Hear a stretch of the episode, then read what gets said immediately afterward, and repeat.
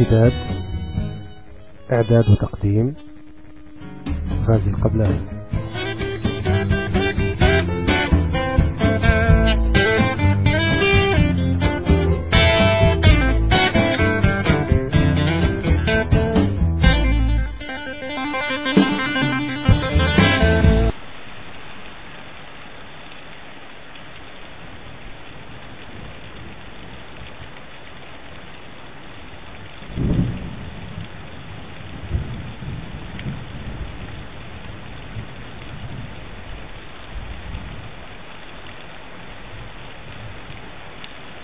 أهلا وسهلا.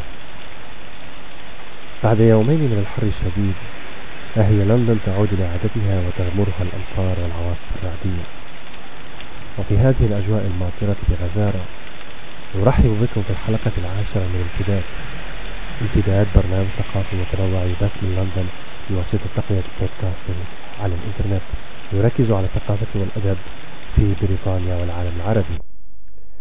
في هذه الحلقة وبعد جولة إخبارية سريعة نذهب إلى المتحف البريطاني بواسط لندن لزيارة أجنحة موسم الشرق الأوسط الآن الثقافي والذي ينظمه المتحف العريق برعاية شركة دبي القابضة.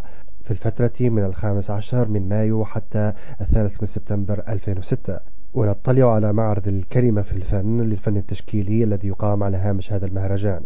وفقراتنا الثانية ستكون قراءة مقتطفات من الفصل الأول لرواية الكاتب الكندي مارتيل حياة باي الصادرة العام 2002 والحائزة على جائزة بوكر للرواية الإنجليزية. وقام بترجمة العمل إلى العربية الكاتب الفلسطيني سامر أبو هواش ويصدر هذا الكتاب باللغة العربية عن دار الجمل هذا العام بألمانيا. وقبل انطلاق الفقرات الأساسية هذه جولة إخبارية سريعة.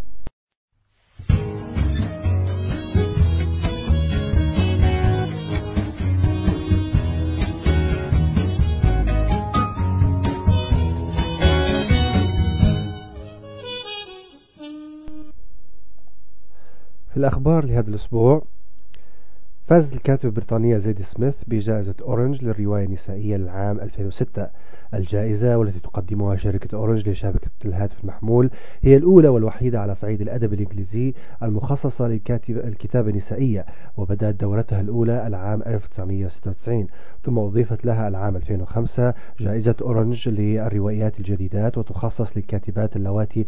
نشرن أول كتاب لهن خلال العام. الروائية زيدي سميث تحصلت على جائزة مرموقة والتي تبلغ جائزتها 30 ألف جنيه استرليني عن روايتها الثالثة عن الجمال والتي سبق لها الوصول إلى القائمة النهائية لجائزة مان بوكر لعام 2005 والتي فاز بها الكاتب الإيرلندي جون بانفيل عن روايته البحر. كانت المنافسة هذا العام قوية نظرا لترشح أسماء عديدة مهمة من الروائيات في بريطانيا والكومنولث إلا أن لجنة التحكيم قررت بعد جدال طويل منح الجائزة لزيدي سميث والتي أجشت بالبكاء لحظة تسلمها للجائزة التي عاندتها لمرتين سابقتين عن عمليها السابقين. ويذكر بعض النقاد أن روايتها الأولى التي لاقت نجاحا منقطع النظير بعنوان أسنان بيضاء كان يجب لها أن تفوز بالجائزة في عام صدورها قبل ست سنوات وكانت القائمة النهائية ضم ثماني كاتبات أخريات. ولدت زي سميث العام 1975 في شمال غرب لندن من أب أبيض وأم سوداء. صدر على العام 2000 أسنان بيضاء التي فازت بجائزة ويتبريد للرواية الأولى وجائزة الكومنولث. روايتها الثانية صدرت العام 2002 بعنوان صاحب التوقيعات والتي وصلت للقائمة النهائية لجائزة, لجائزة أورنج العام 2003 تجدر إشارة أن الكاتبة البريطانية نعومي ألدرمان آه، فازت بجائزة أورنج للكاتبات الجديدات عن روايتها عصيان وهي الرواية الأولى للكاتبة اللندنية. يتواصل في العاصمة البريطانية لندن فعاليات موسم الشرق الأوسط الثقافي والذي ينظمه المتحف البريطاني برعاية مؤسسة دبي القابضة تحت عنوان الشرق الأوسط الآن. انطلق المهرجان في الخامس عشر من مايو الماضي ويستمر حتى الثالث من سبتمبر 2006 وسيضم العديد من الفعاليات والأنشطة الثقافية والأدبية والفنية والمعارض التشكيلية.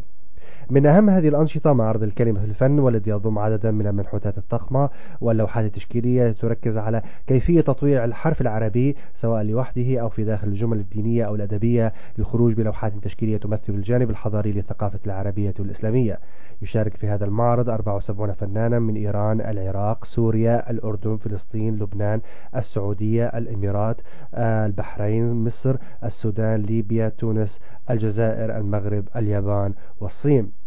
كما تقام فعاليات فنية أخرى في هذا المهرجان بينها عروض مسرحية وسينمائية وورش عمل الخط العربي وفعاليات خاصة بالعائلات. كما تنظم أمسيات ثقافية من بينها أمسيتين حول المرأة والكلمات وأمسية للموسيقى الصوفية تشرف عليهما دار الساقي للكتاب في لندن. يذكر أن موسم الشرق الأوسط الآن يعتبر من أهم المحطات الأساسية في نشاطات المتحف البريطاني لهذا العام. ويعد المتحف من أهم المؤسسات المرموقة ذات التاريخ العريق في بريطانيا والعالم حيث يضم مجموعة من أندر القطع الأثرية والتاريخية بمختلف العصور ومن عدة مناطق من العالم. والآن إلى هذه الجولة قمنا بها في جنبات هذا المعرض. مرحبا بكم في هذه الحلقة. نقوم اليوم بزيارة المتحف البريطاني ال British Museum لحضور أحد المعارض الأساسية في هذا العام وهو معرض Middle East Now الشرق الأوسط الآن. وهو مجموعة من الفنانين العرب والشرق أوسطيين من المنطقة يقومون بعرض بعض لوحاتهم الفنية وخاصة تلك التي متأثرة بالفن الإسلامي.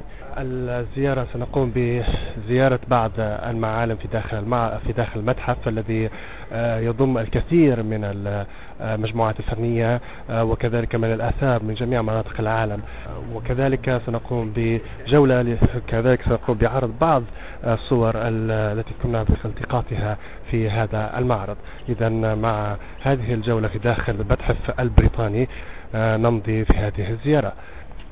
ما أن ندخل إلى القاعة الرئيسية في المتحف البريطاني يواجهنا هذه القاعة الكبيرة التي قام المهندسون المعماريين بتصميمها بحيث أن تكون هناك سقف من الزجاج. يصبح مكان كأنه باحة داخلية آه، ولكن الضوء الخارجي يغمر المكان كلية.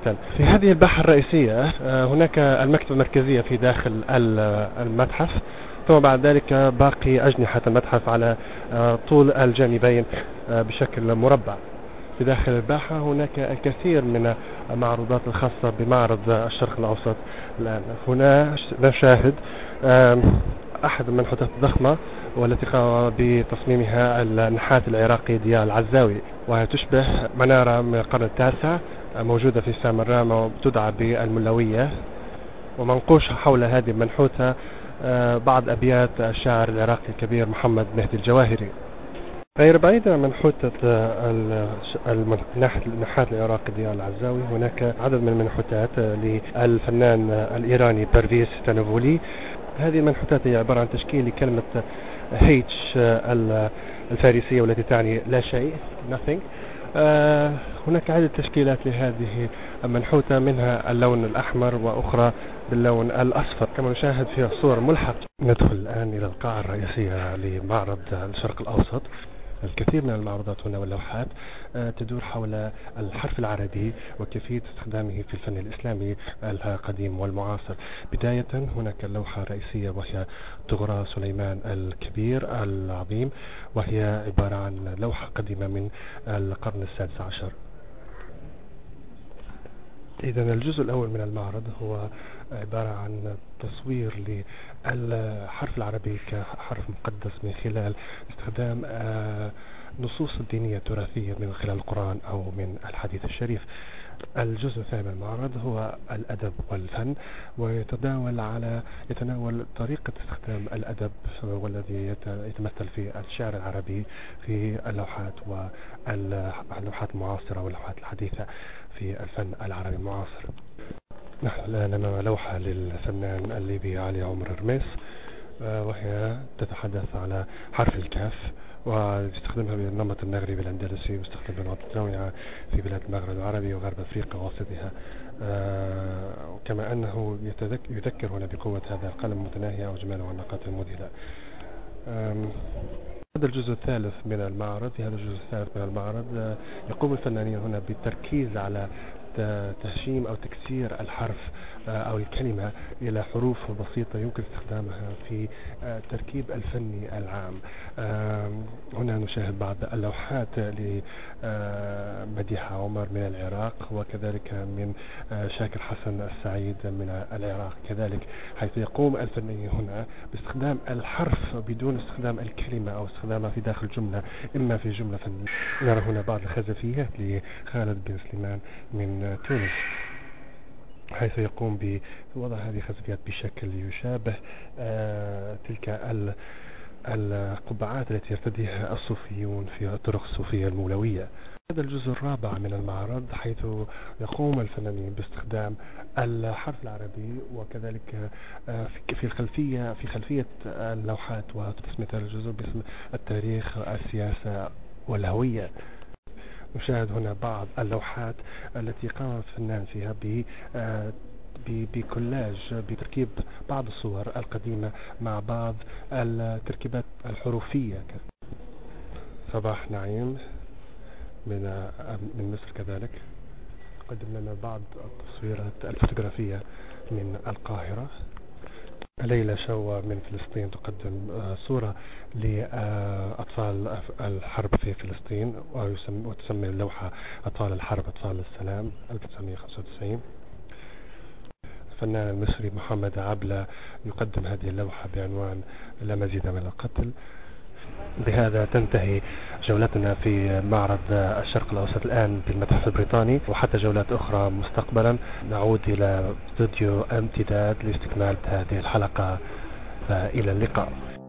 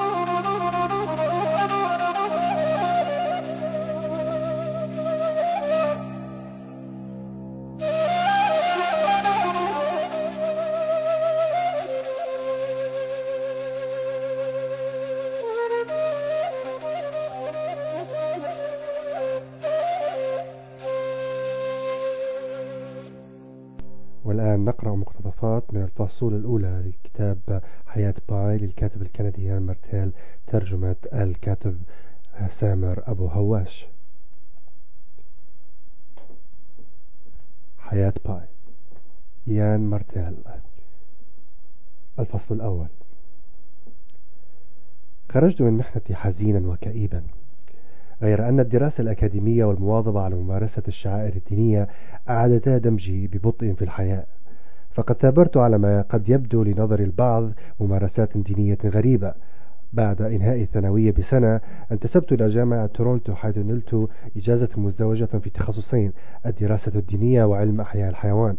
وإذ تمحورت أطروحة السنة الرابعة من الدراسات الدينية حول نظرية النشوء عند إسحاق لوريا ذلك القبلاني العظيم من صفد الذي عاش خلال القرن السادس عشر فقد عني عنيت الأطروحة الثانية بالتحليل العضوي للغدة الدرقية عند الكسلان ثلاثي الإصبع. وإذا ما سألتني عن علة اختياري درس هذا الحيوان تحديدا فلأنني وجدت في سلوكياته الموسومة بالصمت والهدوء والانطوائية ما ساعدني على نحو ما على لملمة شتات نفسي المبعثرة كنت أخلط أحيانا بين التخصصين فيذكرني بعض زملائي في الدراسات الدينية أولئك الأدريين مشوشو الذهن الذين أضاعوا الدرب تماما عبيد العقل. ذلك المذهب الوهمي بالنسبة إلى العقول اللامعة بالكسلان. أما هذا الأخير وهو مثال رائع عن معجزة الحياة فيذكرني بالله. لم تكن لدي أدنى مشكلة مع الزملاء العلماء أولئك الملحدون المتفانون في عملهم الذين لا يشغل بالهم حين لا يكونون منهمكين بأمور العلم سوى الجعة والجنس والشطرنج والبيسبول. كنت تلميذا نجيبا إذا جاز لي أن أمتدح نفسي. الأول على دفعتي في كلية سان مايكل لأربع سنوات على التوالي. حصلت خلالها على كافة الجوائز من قسم ال zoology. أما عدم حصولي على أي منها في آه، قسم الدراسات الدينية فلأنه ببساطة ليس ثمة جوائز كهذه فالجوائز الدينية لا يمنحها الفانون. وقد كنت قاب قوسين أو أدنى من الحصول على الميدالية الأكاديمية العامة وهي أرفع جائزة تمنحها جائزة جامعة تورونتو والتي حظي بها بالفعل عدد غير قليل من الكنديين اللامعين. لو لم ينافسني عليها فتى ضخم البنية زهري البشرة من أكلة اللحوم الذين تطفح وجوههم ببهجة دائمة. لا تزال تلك الحادثة التافهة تحزه قليلا في نفسي فحين تكون آه، عرفت في حياتك عذابا عظيما كالذي عشته يصبح كل ألم إضافي تافها ويفوق الاحتمال في آن ولعل حياتي تشبه بهذا المعنى تذكارات الموت في الفن الأوروبي. ثمة باستمرار جمجمة متجهمة ترافقني باستمرار تذكرني بمدى سخف الطموح البشري لكنني أسخر من هذه الجمجمة. انظر إليها قائلا إنك تتبعين الشخص غير المناسب لعلك لا تؤمنين بالحياة لكنني لا أؤمن بالموت فامضي في حال سبيلك. لكن الجمجمة تقهقه بمكر وتزداد التصاقا بي. سبب التصاق الموت بالحياة إلى هذا الحد ليست ضرورة بيولوجية بل الغيرة فالحياة رائعة إلى حد أن الموت واقع في غرامها غرام استحواذي غيور يتشبث بكل ما يمكنه الحصول عليه. أحب كندا.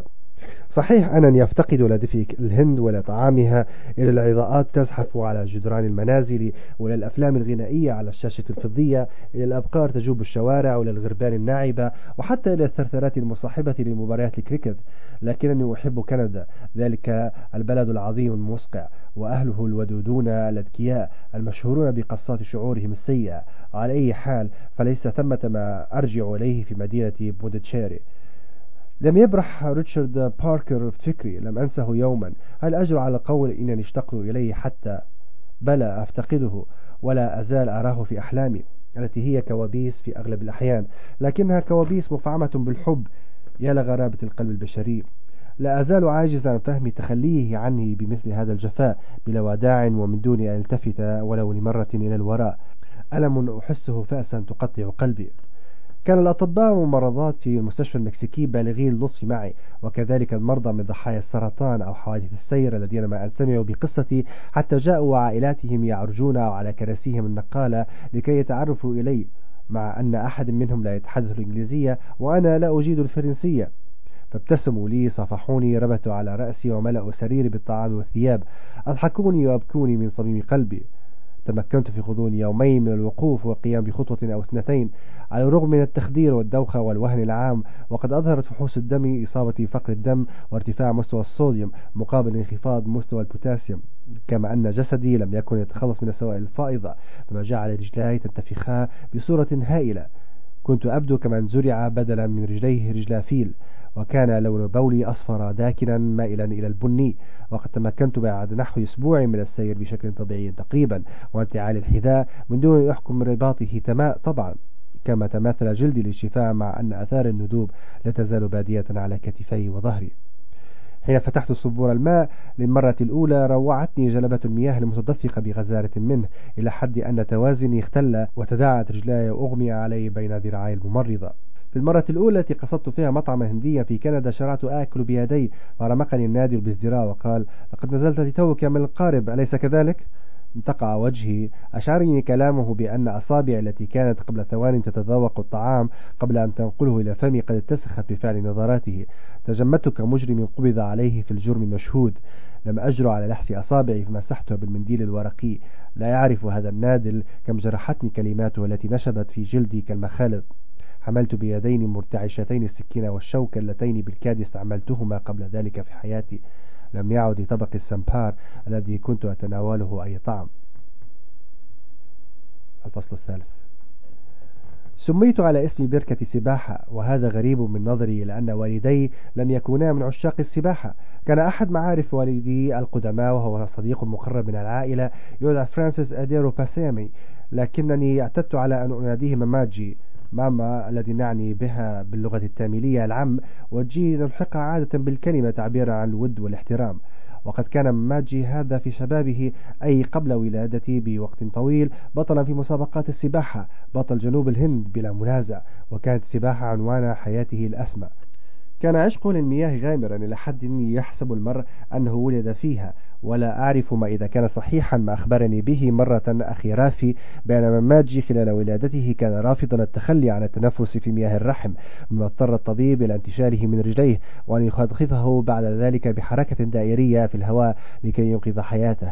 لكن ولا بركة كانت توازي في عيني ماجي ألق آه، بيسين مولتير آه، إنه مجد باريس آه، المائي المتوج بالتأكيد بل ومجد العالم المتمدن كله.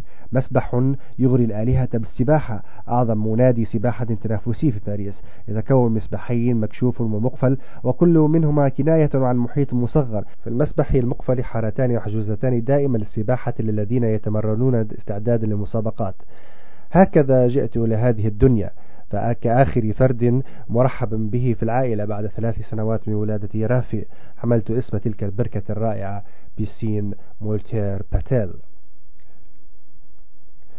لم يكن عهد أمتنا القديمة الطيبة تجاوز كجمهورية سبع سنوات حين كبرت مساحة هذه الأخيرة بعد أن ألحقت بها منطقة صغيرة تدعى بونديتشيري التي انضمت إلى الهند في الأول من تشرين الثاني لعام 1954 وهو معتبر إنجازا مدنيا جر إنجازا آخر حيث أقدمت الحكومة على وهب جزء من أراضي معرض بونديتشيري النباتي لتأسيس مجال عمل جديد شائق.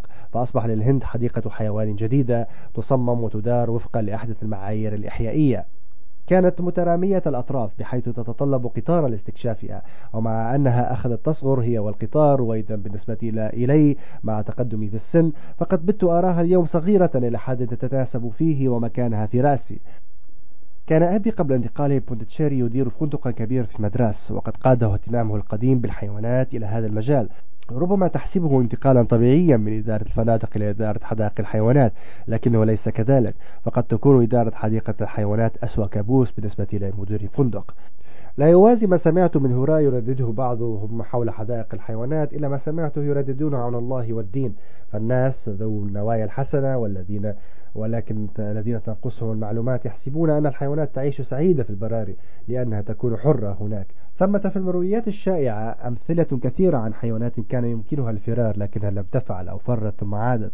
لكنني لا أتشبث بوجهة نظري هذه وليس قصدي الدفاع عن حدائق الحيوانات التي يمكنك إذا شئت أن تقفلها جميعا. وأن نأمل بأن ما بقي من الحياة البرية يمكنه الاستمرار في العيش ضمن ما بقي من العالم الطبيعي. وأعرف أن حدائق الحيوانات ما عادت تلقى الرواج نفسها عند الناس.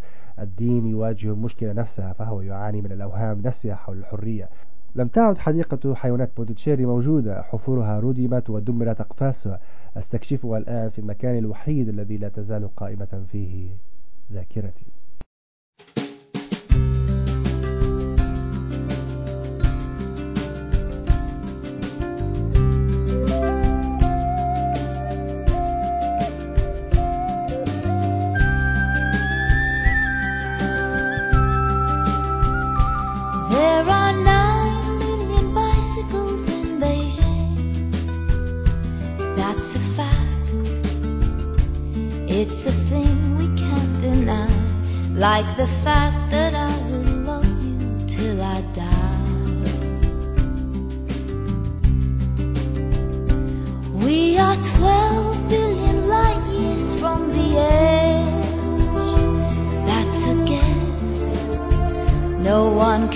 Can ever say it's true, but I know that I will always be with you.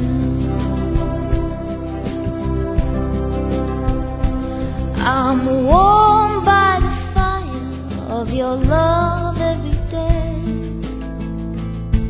So don't call me a liar, just believe everything that I say. There are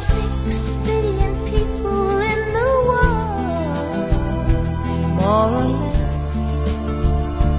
and it makes me feel quite small. But you're the one I